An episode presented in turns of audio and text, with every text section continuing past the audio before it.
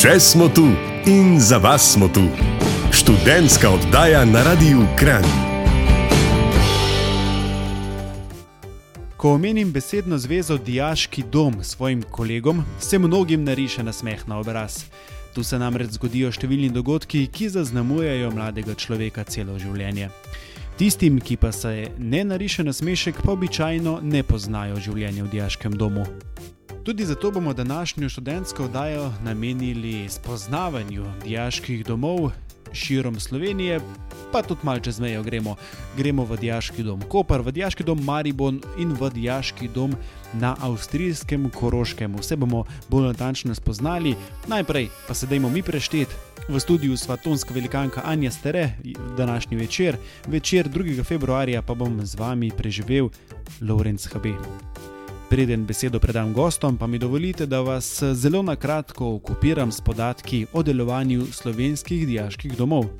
Temeljni namen delovanja dijaškega doma je zagotavljanje urejenih življenjskih in učnih pogojev ter vzgoja dijakov, ki zaradi šolanja začasno bivajo izven domačega okolja. Temeljni cilji vzgojnega izobraževalnega dela so možnosti za bivanje, učenje in preživljanje prostega časa dijakov in učencev, zagotavljanje optimalnega razvoja posameznika, ne glede na spol, socialno in kulturno poreklo, veroizpoved, raso, etično in narodno pripadnost ter telesno in duševno konstrukcijo oziroma invalidnost. Vzgojno-izobraževalni proces v dijaških domovih poteka vse dan v času prisotnosti dijakov.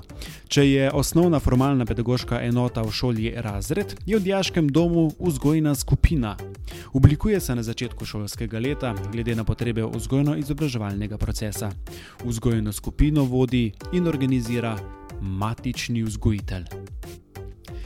Vzgojno-izobraževalni proces v diaških domovih temelji na naslednjih oblikah pedagoškega dela.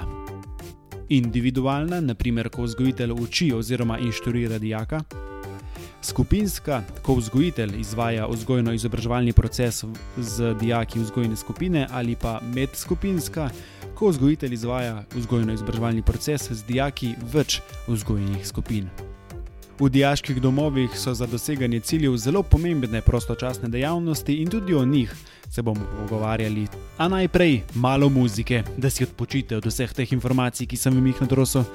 Torej, današnja oddaja je namenjena predvsem vsem uh, bodočim dijakom, devetošolcem, osmošolcem, tako da vse mame tega sveta, vsi očetje, vse babice in strici, pa tete, pokličite vaše devetošolce ali osmošolce, naj prisluhnejo današnji oddaji, sploh če se bodo odpravili v kakšen dijaški dom, še posebej, če bodo šli v Koper ali pa v Maribor ali pa na Višjo šolo za gospodarske poklice na avstrijskem Koroškem, v kraju Šentpeter, v občini Šentjakob, v Rožu.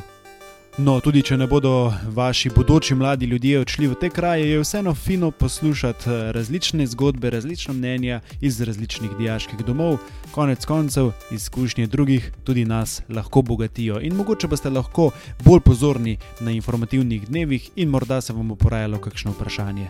Tako da, ja, kvalitetna, kvalitetna oddaja nas čaka. Zdaj pa najprej, ja, ona. Dua Lipa. Še smo tu in za vas smo tu. Študentska oddaja na Radiu Kran.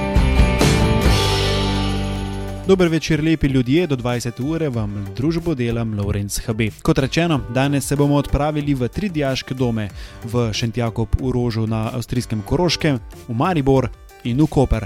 Najprej gremo v Koper, tam bomo spoznali dva dijaka, pa tudi vzgojitelja, bivšega vede ravnatelja in trenutnega referenta za študentske zadeve, sicer pa vzgojitelja Vladimirja Mikaca. E, gospod Vladimir, kakšne so razlike med mladeničem, ki prvič stopi skozi vrata dijaškega doma, in med tistim človekom, ki se po štirih ali petih letih poslovi od vas? Opažam najprej to, da je pred leti torej bilo e, nekako bolj čutiti to delitev, pa delitev tudi med mestnimi, eh, torej iz sosedske, dijaki, učenci, stanovalci.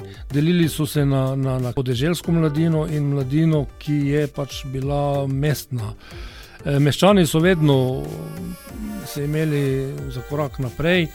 medtem ko dijaki, ki so prihajali iz, izven mesta, iz podeželja, so bili bolj vodljivi, mirni, nekoliko prestrašeni.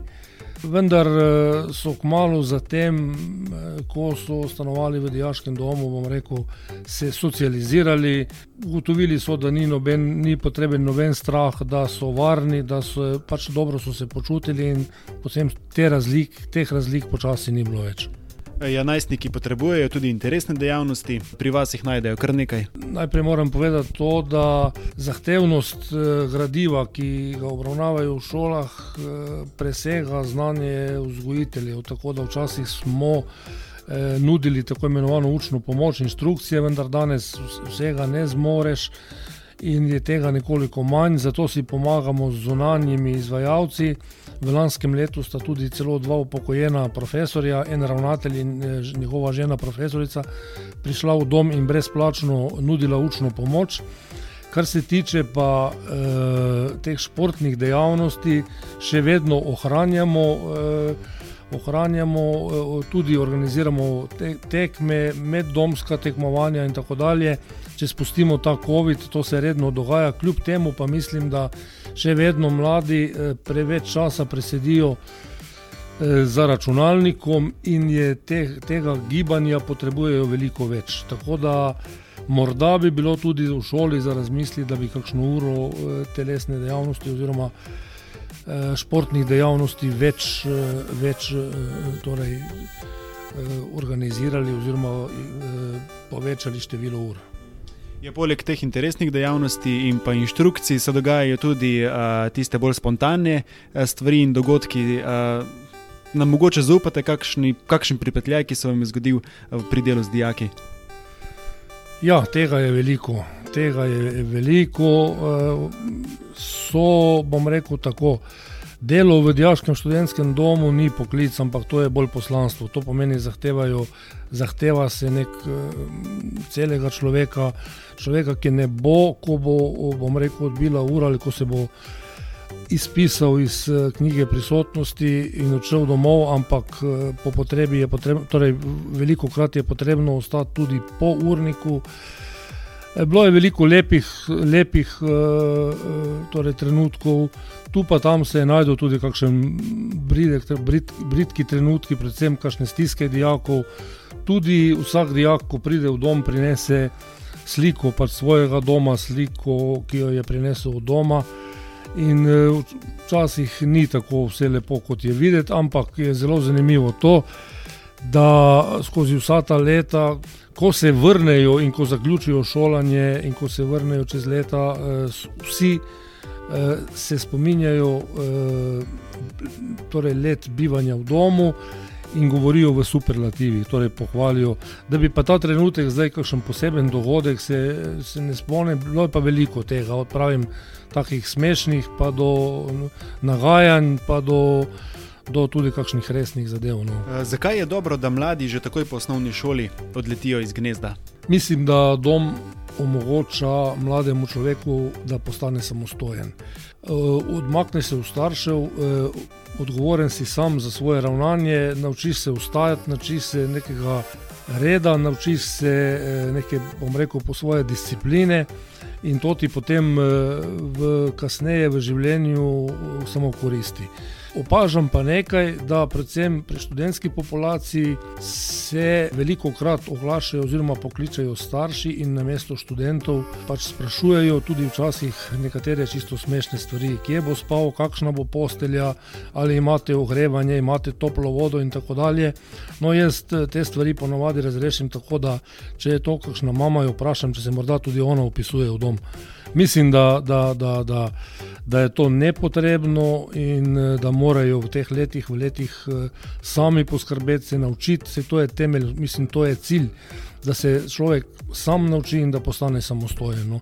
Če primerjam svojo mladost, rečem, povem včasih, da so, da smo pri dvajsetih letih že puško nosili ali pa v oklepna vozila furali, nekateri so pa celo letala, tako da danes pa pri dvajsetih letih se mi zdi, da se je ta meja samostojnosti zelo, zelo, zelo spustila in niso samostojni. Torej niso samostojni in mislim, da, da tukaj bo potrebno nekaj narediti. Ja, in eh, kako vi vidite prihodnost, kam, eh, kam gre današnja mladina, oziroma kam grejo starši? Starši, mislim, da, da je z dneva v dan eh, želijo čim več doseči, čim večji, večji uspeh. Eh, nekateri tudi pritiskajo na svoje otroke samo zaradi tega, da dobijo neko titulo, nek naziv, kar mislim, da ni prav. Jaz mislim, da je zelo pomembno, da otrok se lahko normalno razvija, da da dom možnost, da se uči in da razvija tiste sposobnosti in tista znanja, pač do katerih, eh, ki, ki si jih želi razvijati.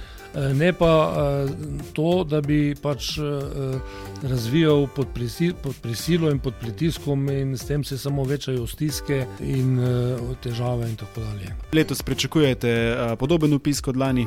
Ta trenutek ne vem. Moram povedati, da je ta COVID situacija nas, bom rekel, malo, malo razglasila, če se lahko glasbeno izrazim upajmo, da bo vsaj kolikor je letos, pravim, se pa dogaja v zadnja leta. Da se število dijakov povečuje, kar je dobro, in tudi dijaki in starši se morajo zavedati, da so naši dijaki, naši študenti v domu na varnem, na toplem, imajo možnost učenja, imajo možnost študija, in eh, dom je dobra opcija, oziroma veliko pripomore, pa tudi finančno, pač vožnja je draga, tudi finančno omogoča, ker štipendije ni da lahko mlad človek zaključi uspešno šolanje. Vladimir Mikac, hvala lepa za, za vse odgovore in jaz vam želim še naprej, kakšni morajo biti mladi. Mladi morajo biti mladi, navihani, živi, e, bistri e, in to je to. In predvsem veliko zdravja v tem času. No. Morajo se naučiti pač tudi včasih. Uporniški morajo biti, pa iskati mo, mo, mo, mogoče svoj prav, svojo pravico, skratka, morajo biti živi in živahni. Take mlade vam želim. Hvala lepa. Še preden pa slišimo dijaka, ki bosta na svoj način predstavila življenje v Dijaškem domu Koper, pa se tudi s pesmijo odpravimo na primorsko, dame in gospodje, Solinar. Še smo tu in za vas smo tu.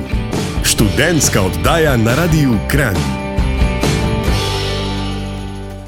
Dober večer, lepi ljudje, do 20 ure sem z vami, Lorenz HB in danes potujemo po Sloveniji, šli bomo tudi še na avstrijsko Koroško, saj obiskujemo diaške domove. Bili smo že v diaškem domu Koper, s strani vzgojitelja, zdaj pa eh, še ostajamo v Kopru in z mano sta dva dijaka.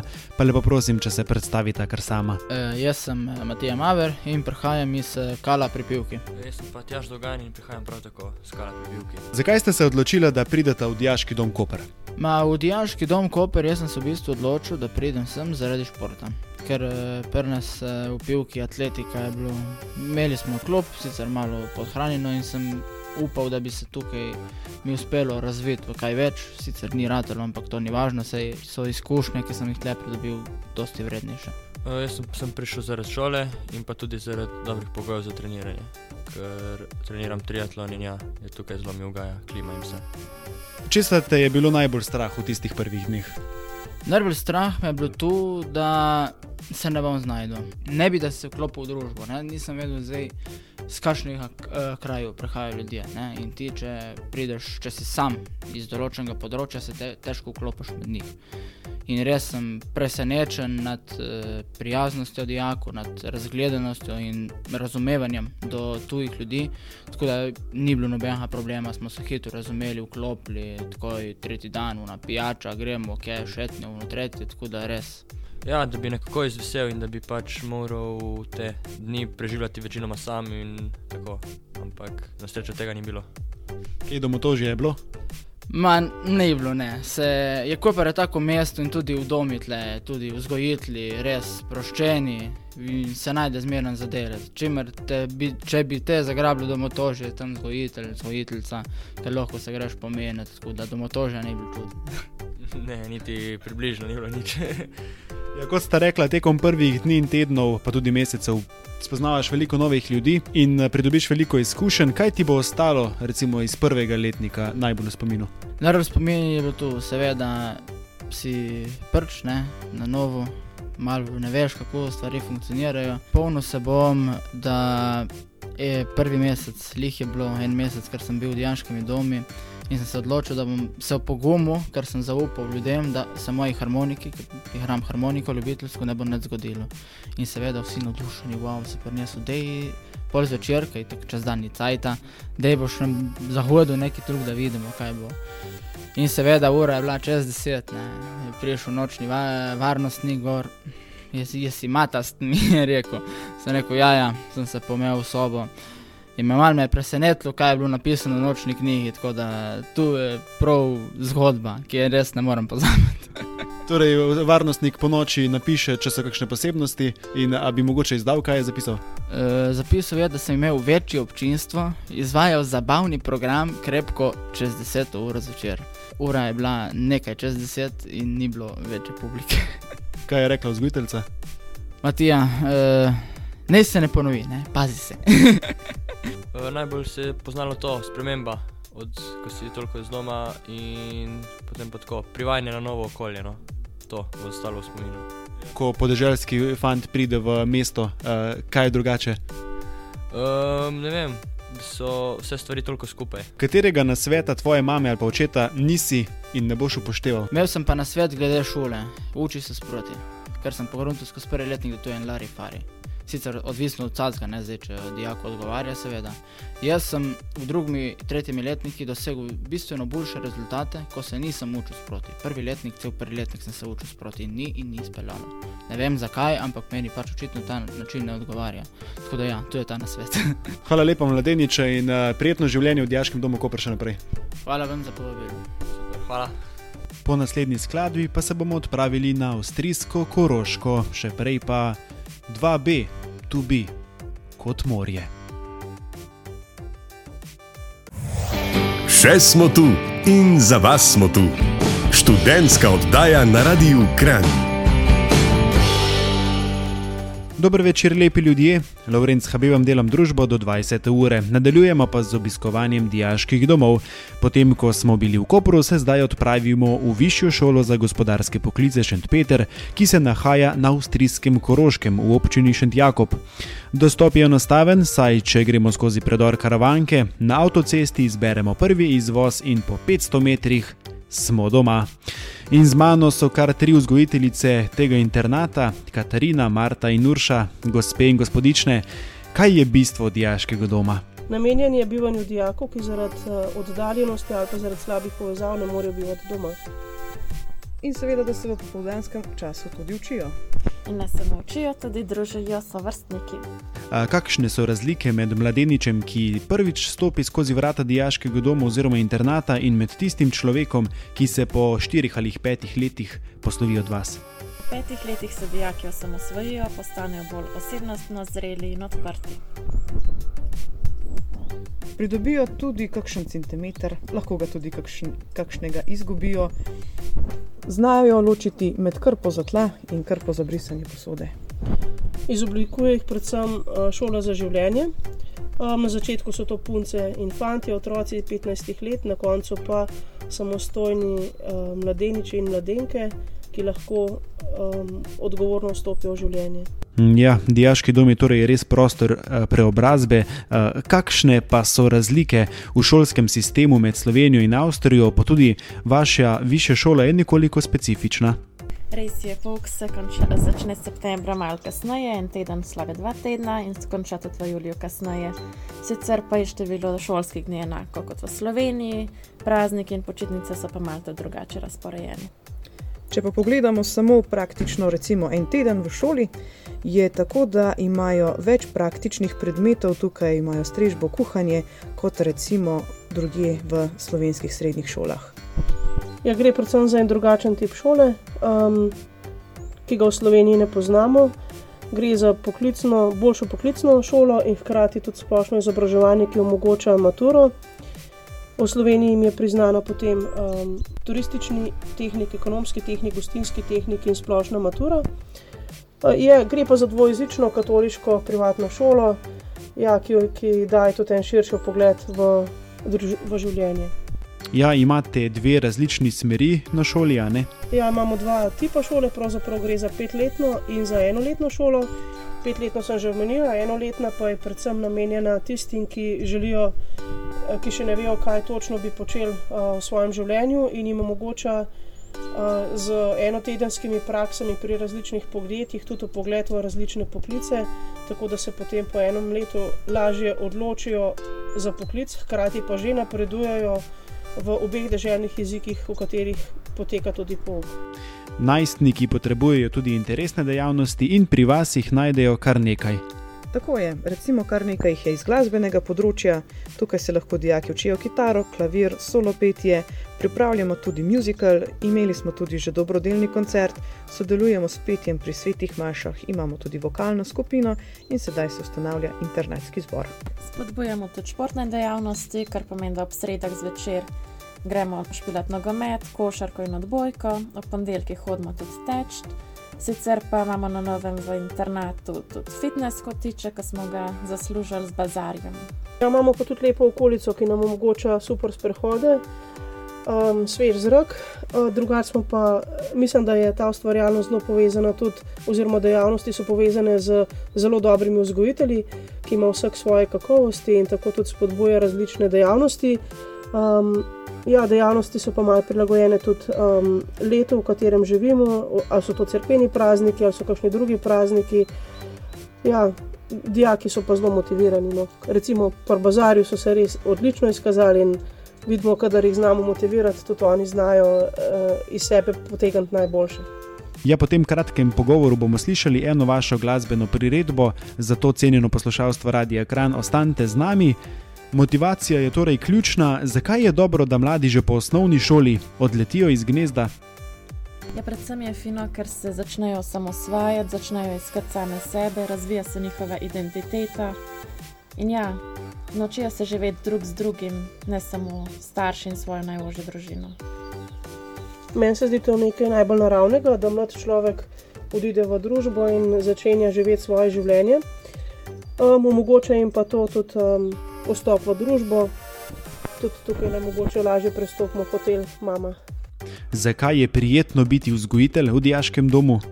Predvsem zato, ker to je služba presenečenja, nikoli ne veš, kaj te čaka, ko prideš. Predvsem je pa fino spremljati mlade, spremljati njihov napredek, razvoj in pa ja, to, da vzgajamo dobre ljudi, srčne ljudi, ki znajo skup, stopiti skupaj, kadar je treba. Mladi so pa tudi ogledalo družbe, nam hitro povejo, kje smo, kot družba, kot družina. Um, lepo jih je slišati, kadar pridejo nazaj, tudi uh, po nekaj letih in povejo, kako obogateni so prav zaradi tega obdobja odšli v življenje. Mene pa navdušuje to, da, ja, da je res vsak dan nekaj novega, nimamo nekega recepta za vzgojo, ampak um, nam vzgojo ti mladi prinašajo sami. Hvala lepa, vzgojiteljice Katarina, Urša in Marta, za te odgovore. Če smo za, poslušajmo zdaj pesem Cesarice avtorja Oliverja Dragojeviča v izvedbi dekliškega zbora vašega internata pod umetniškim vodstvom Marte HB. Potem pa cenjeno poslušalstvo, pa vam bodo svoje izkušnje povedali še dijaki Žiga, Ana, Lucija, Julija in Tjaša. Še smo tu in za vas smo tu. Študentska oddaja na Radiu Kran. Tako je, študentsko oddajo poslušate in dobrodošli nazaj v njej. Mi pa se nahajamo v srednji šoli za gospodarske poklice na avstrijskem Koroškem in z mano so dijaki Žiga, Ana, Lucija, Julija in Tjaša. Uh, cenjeni mladi ljudje, zakaj ste se odločili, da boste odšli v srednjo šolo na severno stran Karavank? Ker ni bilo nobene take šole v Sloveniji. Ker me zanimajo jeziki. Jaz sem prišla iz Rusije, kjer sem hotela spoznati kulturo Avstrije. Ker imaš na koncu šolanja zelo veliko različnih poklicev in veliko znanja iz različnih področji. Ker me zanima kuhanje in turizem. Kako se spominjate svojih prvih dni v tujini? Zanimivo, čudni pa spoznavanje novih prijateljev. Veliko novih prostorov, veliko novih ljudi, pa nov urnik, ki ga še zdaj ne poznam. Strah od tujega jezika. Joj, to so bili še časi, ko sem bila še zelo tiha in zadržana. E, sem pogovarjala z vsakim v angleščini. Ja, kaj pa vam bo ostalo od prvega letnika Više šole za gospodarske poklice najbolj v spominu? Tabor incentiva Angola. Kako me je šolski nasilje zaprl v Maro? Pustni ples. Ekskurzijo v Sizi in najboljši sladoled. Spoznavanje novih prijateljev. Kaj ti je všeč in morda kaj bi spremenil v internatu? Všeč mi je, da smo cel dan skupaj s prijatelji. Všeč so mi spodnji prostori v internatu, fitness in telovadice. Jaz bi zamenjala jutranjo glasbo za bojenje. Všeč mi je družba v internatu, pa nekateri vzgojitelji. za- Zamenjal bi pa urnik zvečernih srečanj. Všeč mi je okolica internata. Kakšen nasvet pa bi vi dali osnovnošolcem, ki se upisujejo v srednjo šolo? Da se odločijo za nekaj, kar jih res veseli v življenju. Da ne skrbi, če je šola dal stran, ker je v žedijaških domovih zelo fajn. Da morajo uživati vsak trenutek svojega življenja. Morate slediti svojim sanjam. Hvala lepa, prijetni mladeniči in uh, uživajte in učite se še naprej, kar se da prijetno in spodbudno v dijaškem domu. Uh, tekom pogovora z vzgojitelji prej pa smo že omenili razlike med avstrijskim in slovenskim šolskim sistemom in zanimivo, medtem ko ko bomo imeli informativne dneve v Sloveniji prihodnji konec tedna, pa bo v Višji šoli za gospodarske poklice že jutri, v četrtek, torej ob 18. uri. Eh, Predstavitve seveda potekajo z uporabo videokonferenčnega orodja Zoom. Prijava ni potrebna, dostop pa je odprt na spletni strani Višje šole za gospodarske poklice Šentpeter. Tako pičimo zdaj še na en sproščen štikel, po naslednji skladbi pa gremo v Maribor. Ostanite z nami. Še smo tu in za vas smo tu. Študentska oddaja na Radiu Kran. Dober večer, dragi lepi ljudje. Poslušate večerni program na Radiu Kran, ki ga pripravljamo v klubu študentov Kran. Lovrenc Habibam delam družbo do 20 ure, nocoj pa potujemo po dijaških domovih, bili smo že v Kopru in na avstrijskem Koroškem, sedaj pa gremo še v Maribor. Z mano je Maja Nemšak, svetovalna delavka v dijaškem domu Drava. Gospa Nemšak, dober večer, eh, lahko prosim na kratko predstavite vaš dijaški dom. Dijaški dom Drava je največji dijaški dom v podravski regiji in ponuja nastanitev kar 325 dijakom in dijakinjam, ki obiskujejo 13 različnih mariborskih šol. Uh, naš dijaški dom ima vso potrebno infrastrukturo, od lastne telovadnice, fitnesa, čajne kuhinje, zunanjega igrišča, glasbenega studia s klavirjem, sobe za biljard, mladinske sobe, diska in res bi lahko še naštevala.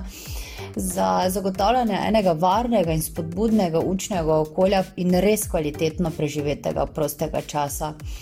Naših dijaki bi zagotovo omenili tudi to, da so nastanjeni v dvoposteljnih sobah s pripadajočo kopalnico, ki pa si jo delijo le z dijaki sosednje sobe. O, to je pa že res luksus za dijaški dom. A, kaj pa je bistvo dijaškega doma? Če se navežem na prejšnje vprašanje, je bistvo dijaškega doma pravzaprav veliko več kot pa postelja in hrana. Dijaški domovi namreč v prvi vrsti zagotavljajo eno varno, spodbudno okolje za uspešno krmarjenje skozi srednješolska leta. Ne na zadnje pa je bivanje v dijaškem domu tudi zelo priročno, saj dijakom prihrani čas, ki bi ga sicer porabili za vožnjo šolo in domov, kar pa seveda tudi pomeni, da ga lahko uporabijo za učenje in za različne interesne dejavnosti. Hkrati pa je dijaški dom tudi prostor za spoznavanje novih prijateljev in druženje. Ja, če kdo, potem eh, so to res mladi oziroma srednješolci tisti, ki rabijo druženje. Kakšne pa so razlike med eh, mladeničem, ki prvič eh, stopi skozi vrata dijaškega doma in med tistim človekom, ki se po petem letu ali pa četrtem letu poslovi od vas? Uh, v prvi vrsti gotovo v samostojnosti.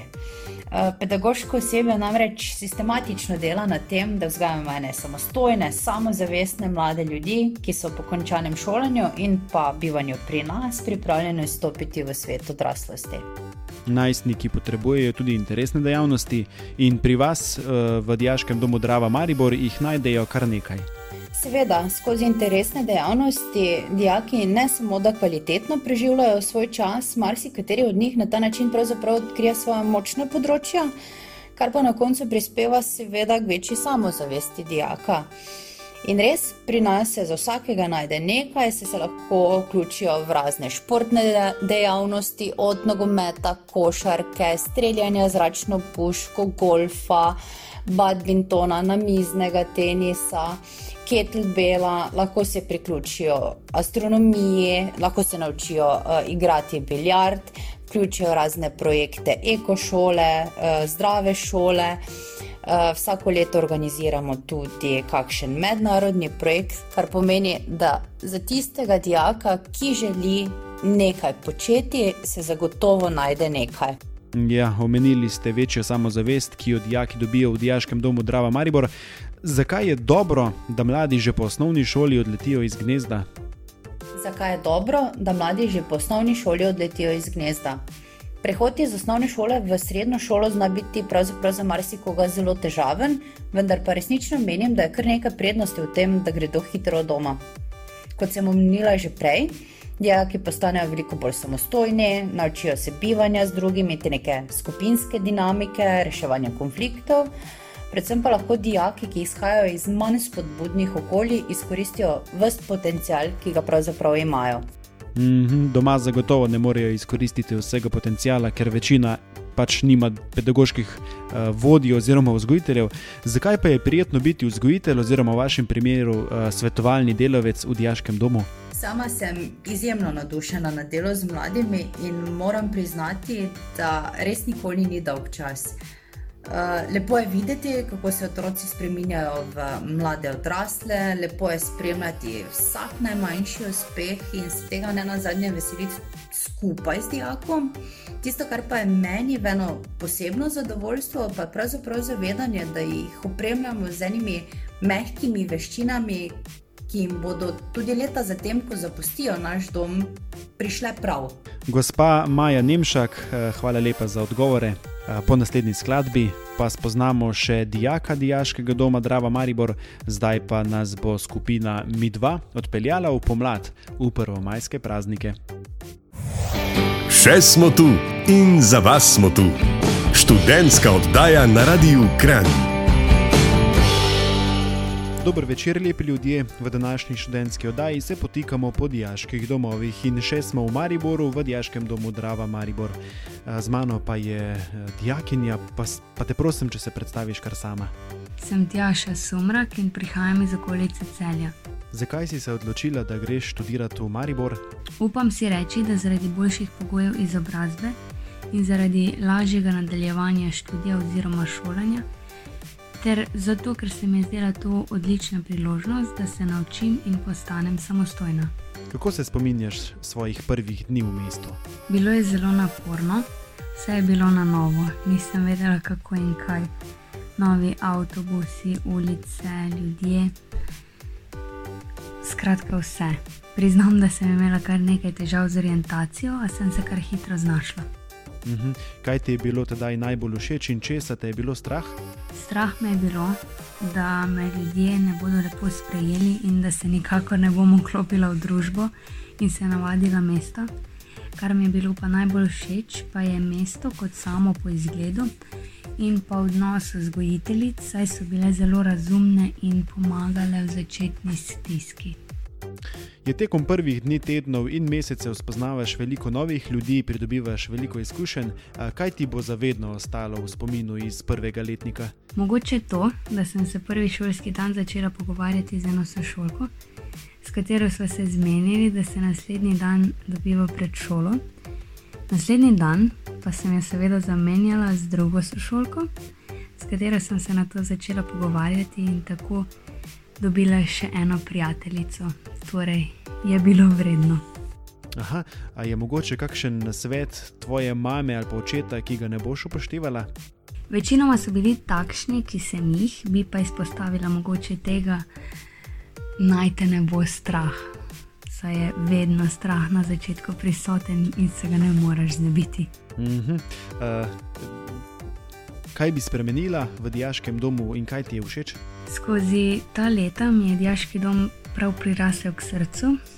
Všeč mi je pravzaprav skoraj vse, bi pa izpostavila, da je na voljo veliko različnih interesnih dejavnosti. Vsak se lahko najde v nečem, s čimer si bo krajšal popodneve, glede sprememb pa nimam nobene ideje. Super mi je. Bi dala kakšen svet devetošolcem, ki se prav zdaj v teh mesecih odločajo za srednjo šolo? Mogoče to, da naj gredo na čim več različnih šol ob informativnih dnevih in dobro premislijo, kaj si želijo v življenju početi in kakšna nadaljna izobraževanja jim ponuja posamezna smer oziroma šola. Hvala lepa za odgovore in želim ti še naprej prijetno bivanje tukaj v Dijaškem domu Drava Maribor. Tako s tem eh, kratkim pogovorom pa smo tudi zaključili naše potovanje po dijaških domovih. Bili smo v Kopru, na avstrijskem Koroškem in končali tukaj v Mariboru. Zdaj pa poglejmo, pojdimo spet nazaj v domači lok v Kran, kaj za vas pripravljamo v klubu študentov Kran. Poslušate študentsko oddajo na radiju Kran. Sedaj pa svinčnik ali tablico v roke. Saj si tole, kar boste slišali zdaj, velja zapisati vse koledarje in opomnike tega sveta. To nedeljo 6. februarja bo med 20 in 21.30 brezplačno predavanje na Zoomu na temo pogosta prepričanja in dileme o gibalni aktivnosti in treningu. Je tek poklancu na vzdolj res zelo slab za kolena? Ali dvigovanje v teži res zavira rast otrok? Ali gredo kolena pri izvajanju počepa lahko čez prste?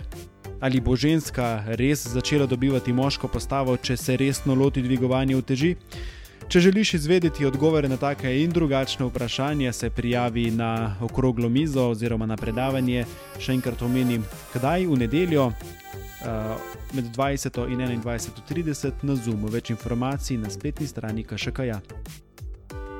Zdaj po tej študentski oddaji se lahko odpravite v TŠC Kran Iskra na odbojko in Babington. Seveda je oboje za džabe, PCT rabite in tudi prijave niso potrebne oziroma ne tako zdaj, čez eno uro, ob 21. do 22.30 se lahko rekreirate. Hej, Lorenz, vsi moji frendi so dobili brezplačne, oziroma karte za smučanje bolj cenej, jaz pa ne morem, kva je fora. Ej, najprej se moraš učlaniti v veliko in prijetno družino kluba študentov Kran. Učlaniš se lahko prek spleta, več informacij dobiš na spletni strani www.ksk.si in potem, če si član eh, kluba študentov Kran, dobiš tudi cenejše karte, smužarske karte, katere vse in kam lahko greste, pojdite tudi na spletno stran, seznam je dolg, škoda tajminga, da bi vam zdaj vse govoril. Če imate kakšno pravno zagato na klubu študentov Kran, uh, vam ponujamo tudi pravno pomoč. Prelistajte najnovejši klubski časopis za pik. Vabljeni pa tudi, da se pridružite aktivistom vsake mlade duše, bomo veseli. Hvala lepa, lepi ljudje, da ste bili z nami v še eni študentski oddaji na Radiu Kran. Če bi radi današnji oddaji, ki je bila precej izobraževalna in tudi diaško obarvana, predvsem primerna za devetošolce in osmošolce, pojdite v vašo najljubšo aplikacijo za podkaste in prav kmalo jo boste lahko poslušali ponovno. Bili smo v Kopru, bili smo na avstrijskem Koroškem in zaključili smo v Mariboru, ja, pišuka. Potovanje, potovanje, potovanje. Uh, imam pripravljeno tudi eno misel, ki vas bo uh, presunila. Pisatelj Mark Twain je dejal: Čez 20 let boš bolj razočaran nad stvarmi, ki jih nisi naredil, kot tem, kar si. Zato odveži vozle in odjadraj iz varnega pristana, ujemi veter priložnosti v svoja jadra. Vsi, ki boste šli v diaški dom naslednje leto ali čez dve leti, ali kadarkoli, dragi osnovnošolci, um, vi boste to stvar uh, udejanili, to misel pisatelja Marka Twaina udejanili, vsi ostali pa, ki se vam zdi, da ste v krču, odvežite svoje vozle in odjadrajte. Morda že zdaj, takoj zdaj, ko boste ugasnili radio kran in odšli vsak na svoj konec. Želim vam prijeten večer. Poslušali ste študentsko oddajo Radia Kran. Vaše predloge in komentarje z veseljem sprejema urednik Laurence HB na elektronski naslov laurence.hb afna ksk.si. Še smo tu, vaš klub študentov Kran.